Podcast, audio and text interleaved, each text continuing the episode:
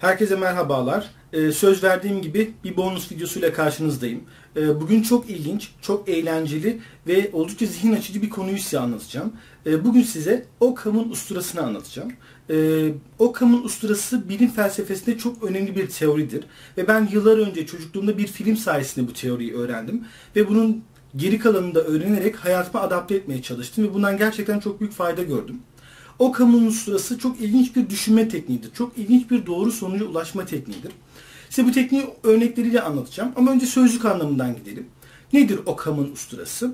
Ee, Wikipedia'da baktığın zaman şöyle bir şey yazar orada. Her şeyin eşit şartlarda olduğu bir ortamda en basit ve akla yatkın açıklama genelde en doğru olanıdır. Yani şöyle demek istiyor. Bir problemle karşılaştığınız zaman ya da bir soruyu çözmeniz gerektiğinde en basit cevap ya da en basit açıklama genelde doğru olanıdır. E, bu felsefe 14. yüzyılda geliştiriliyor. 1340 yılında e, İngiltereli bir rahip ve bir filozof olan Ockham'lı William tarafından geliştiriliyor. Rivayet odur ki 1340 yılında Ockham'lı William sabah kalktığında tıraş oluyor. Fakat tıraş olurken yüzünü kesiyor. Yüzünü kestiği zaman da çok sinirlenip etraftaki her şeyi yıkıp dökmeye başlıyor. Sonra durup düşünmeye başlıyor. Kızmamın nedeni yüzümü mü kesmem mi yoksa sabah usturamı bilemeyi unutmuş olmam mı? Bu fikirden yola çıkıyor ve Occam'ın usturası denen teoriyi geliştiriyor. E bu teori dediğim gibi bir şeyi çözmek ya da doğru bilgiye ulaşmak için hangi yöntemin izlenmesinin daha mantıklı olması gerektiğini gösteriyor. Şöyle bir örnekten gidelim. E, tıp fakültelerinde teşhis koyma, diyagnoz derslerinde gösterilen bir örnekten başlayalım sizinle. Farz edin ki bu videoyu izlerken bir anda dışarıdan nal sesleri gelmeye başladı. Böyle dıgıdık dıgıdık dıgıdık diye. Şimdi sizce o seslerin kaynağı nedir? Bir at mı yoksa bir zebra mı? Şimdi Afrika'da yaşamadığımıza göre %99.9 ihtimal pencereden dışarıya baktığım zaman tabii ki bir at göreceğiz. İşte Occam'ın usturasındaki e, ince nüans bu. Sesin kaynağı ne? At mı, zebra mı? Hangisi daha mantıklı? Hangisi daha basit? Hangisi çok daha atkılı, akla yatkın? E tabii ki bir at olması daha mantıklı. Yani Amerikalıların tabiriyle the best model is the simplest one. En basit olan en doğru olmaya daha yatkındır. Bunu biraz örneklerden gidelim şimdi. biraz popüler konulardan, popüler olgulardan, çok ilginç komple teorilerinden gidelim şimdi. Mesela biliyorsunuz şu piramitler konusu. YouTube'da ya da internette piramitlerle ilgili binlerce komple teorisi var. Fakat hepsi şeye dayanıyor biliyorsunuz. Hep uzaylılara, dünya dışı uygarlıklara dayanıyor. Ve bildiğiniz gibi piramitler sadece Mısır'da değiller. Amerika kıtasında da varlar işte İnkaların, Azteklerin yaptığı piramitler. Avrupa'da eski çağlarda yapılmış piramitler var. Asya'da başka çağ, eski çağlarda yapılmış piramitler var ve hatta Türkiye'de de piramitler var. Oldukları iddia ediliyor. Şimdi birbirleriyle hiçbir alakası ya da bağlantısı olmayan uygarlıklar, uygarlıkların hepsi nasıl oluyor da büyük anıtsal yapılarını hep piramit şeklinde yapmışlar. Şimdi bununla ilgili dediğim gibi birkaç açıklama var ama biz bu konuyu açıklığa kavuşturmak için yine Ockham'ın usturasını kullanalım. Ockham'ın usturasına göre açıklama 1. Dünyaya gelen dünya dışı uygarlıklar, daha, daha doğrusu uzaylılar e, insanlara kendinin Tanrı olduğuna inandırmışlar.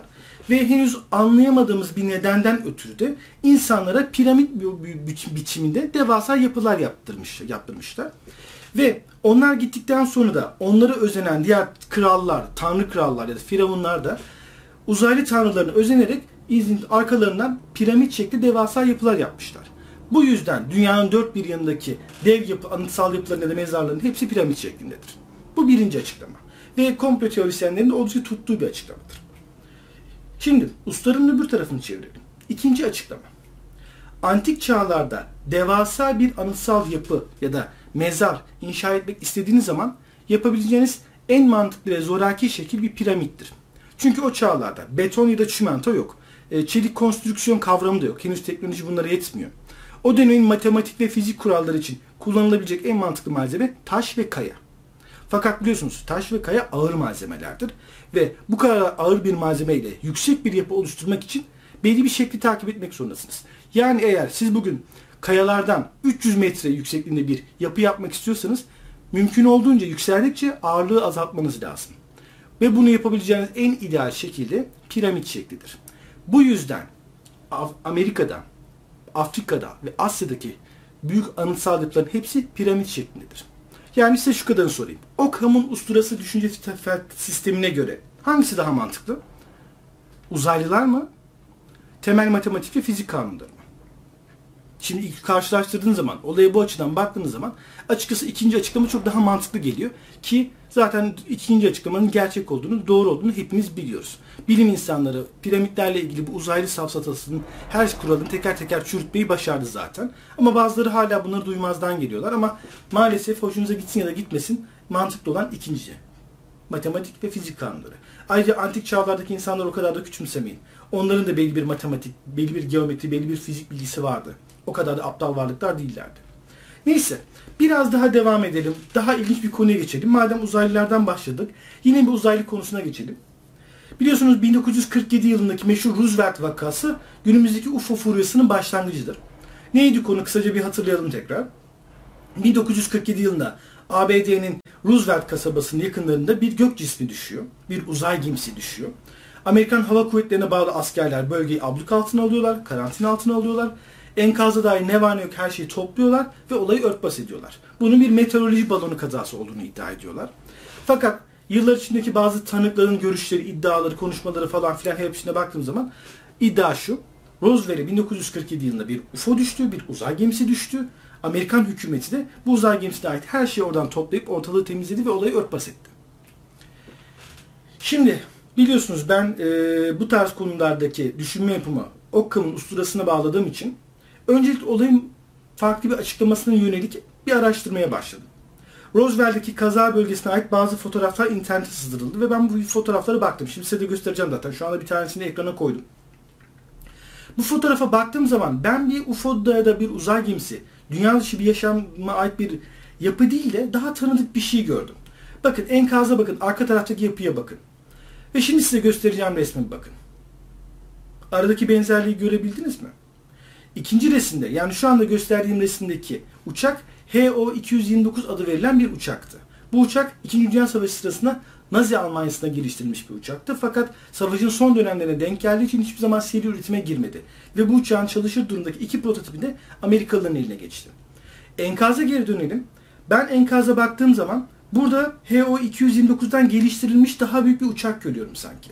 Bakın ana ortadaki gövde alanını ve türbin motorlarının bulunduğu boşlukları görebiliyor musunuz? Şimdi bu resimden ve HO-229 Amerikan ordusunun eline geçmiş ve üzerinde çalışmalar yapıldığını bildiğimden bu konuda yine Occam'ın usturasını çalıştıralım bakalım. Şimdi 1947 yılında Roosevelt'e düşen şey ihtimal 1. Mars'tan gelmiş bir uçan daire. İhtimal 2. Amerikalıların Naziler, Nazilerden ele getirdikleri HO-229'un geliştirilmiş bir prototipinin ait bir uçak. Hangisi daha mantıklı? Bir uçan daire olmasın mı yoksa başarısız bir savaş uçağı testi olmasın mı? Çünkü ikisinin sonunda da Amerikan ordusunun bu olayı örtbas etmesi gayet mantıklı. Yani insanlara ne demelerini bekliyorsunuz? Buraya uzay gemisi düştü de biz onu aldık mı demelerini bekliyorsunuz? Yoksa biz Nazi Almanya'sından ele geçirdiğimiz teknolojiyle bir uçak yapmaya kalktık ama bunu uçurmayı beceremedik ve uçak düştü ve pilotu pilotları öldü. Bunun demelerini bekliyorsunuz. Hangisi daha mantıklı? UFO'lar mı? Başarısız bir uçak prototipi mi? Çünkü ben resimlere baktığım zaman orada bir uçağın daire görmüyorum. Ben orada HO-229'un başarısız bir prototipini görüyorum. Bana soracak olursanız bu olguda 1947 Roosevelt olayında Occam'ın usturası bana diyor ki o başarısız bir uçak prototipiydi. Gizli bir proje olduğu için de örtbas edildi. Bu kadar basit. Tabi bu benim düşüncem. Siz başka türlü düşünebilirsiniz. Siz ısrarla onun bir uzay gemisi olduğunu da düşünebilirsiniz. Ama dediğim gibi temel mantık bana bunu düşünmem gerektiğini gösteriyor. Yani Occam'ın usturasını birçok şeyde kullanabilirsiniz. Hadi gelin daha basit bir şeyde de kullanalım bunu. Diyelim ki gece yattığınız yatakta bir türlü uyuyamıyorsunuz. Korkuyorsunuz, içiniz ürperiyor, kulağınıza garip sesler geliyor, çıtırtılar geliyor. Sanki kapının önünde birileri geziyormuş, sanki pencerenin etrafında birileri dolaşıyormuş gibi bir his içinizi kemiriyor ve bu korkudan uyuyamıyorsunuz. Yine usturamızı çıkartalım. Birinci ihtimal. Etrafınızda inler, cinler, periler, hayaletler, gulyabaniler dolaşıyor. İkinci ihtimal. Büyük ihtimalle izlediğiniz korku filminin etkisindesiniz ya da gördüğünüz bir resmi ya da hikayenin etkisine girdiniz ve beyniniz size oyunlar oynuyor. Şimdi hangisi daha doğru olur? İhtimal 1. Gulyabani mi? İhtimal 2. Beyninizin size oynadığı oyunlar mı? Hangisi sizce? İşte Occam'ın usturasını bu şekilde de kullanabilirsiniz. Ben bunu kullanarak çocukluk yıllarını birçok geceyi rahat bir şekilde uyuyarak geçirdim sağ olsun. Oldukça ilginç bir tekniktir. Sizi büyük ihtimalle %95 birçok konuda doğru bilgi, doğru bilgiye de doğru sonuca ulaştırır. Lakin sakın ola ki Occam'ın usturası tekniğini insani ilişkilerinizde kullanmayı denemeyin. Çünkü işin içine insan faktörü girdiği zaman biliyorsun ki basitlik ve mantık kuralları bir yerden sonra işlemiyor. Özellikle kız arkadaşınız ya da erkek arkadaşınızla olan ilişkilerinizde o kamunun usturasını kullanmaya kalkarsanız başınız çok kötü derde girer. Size onu baştan söyleyeyim.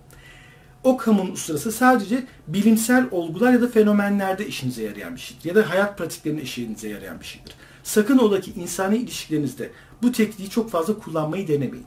Çünkü işin içine insan girdiği zaman işin içine duygular, işin içine ön yargılar, işin içine içgüdüler girmeye başlıyor. Ve insan mantıklı bir varlık olmasına rağmen çoğunlukla mantıksızca hareket eden bir canlıdır. O yüzden size tavsiyem o kamunun usturasını ders çalışırken ya da yeni bir şeyler öğrenirken sıklıkla kullanın. Ama sakın ola ki insani ilişkilerinizde kullanmayın. Neyse. Dediğim gibi güzel bir konu, oldukça ilginç bir konu. İnsanın düşünme şeklini ciddi anlamlarda geliştiren bir konu. Ee, ben açıkçası bu tekniği öğrendikten sonra zeka seviyemin en az 4-5 puan daha da yükseldiğine inanmış biriyim. Ki umarım ki doğrudur. Ve umarım ki bu, bu bilgi sizin işinize de yarar. Bir ileride, ileride bir sorunla karşılaştığınız zaman ya da bir konuda ikilemde kaldığınız zaman bu modeli kullanmayı unutmayın. En basit ve en akla yatkın açıklama, aklınıza ilk gelen basit açıklama ya da basit cevap %95 doğrudur. Bu şekilde düşünmeye başlarsanız inanıyorum ki sizin için de dünya gerçekten daha algılanabilir bir yer haline gelecek. Neyse bugünlük bu kadar. Fazla uzatmayacağım konumuzu. E, zaten yeterince beyin yaktık daha da zorlamanın alemi yok. E, beğenirseniz abone olun. Beğenirseniz yorum yapın. Beğenirseniz like atın. Sizi Facebook'ta da bekliyorum. Twitter'da da bekliyorum. Bütün adresler aşağıda.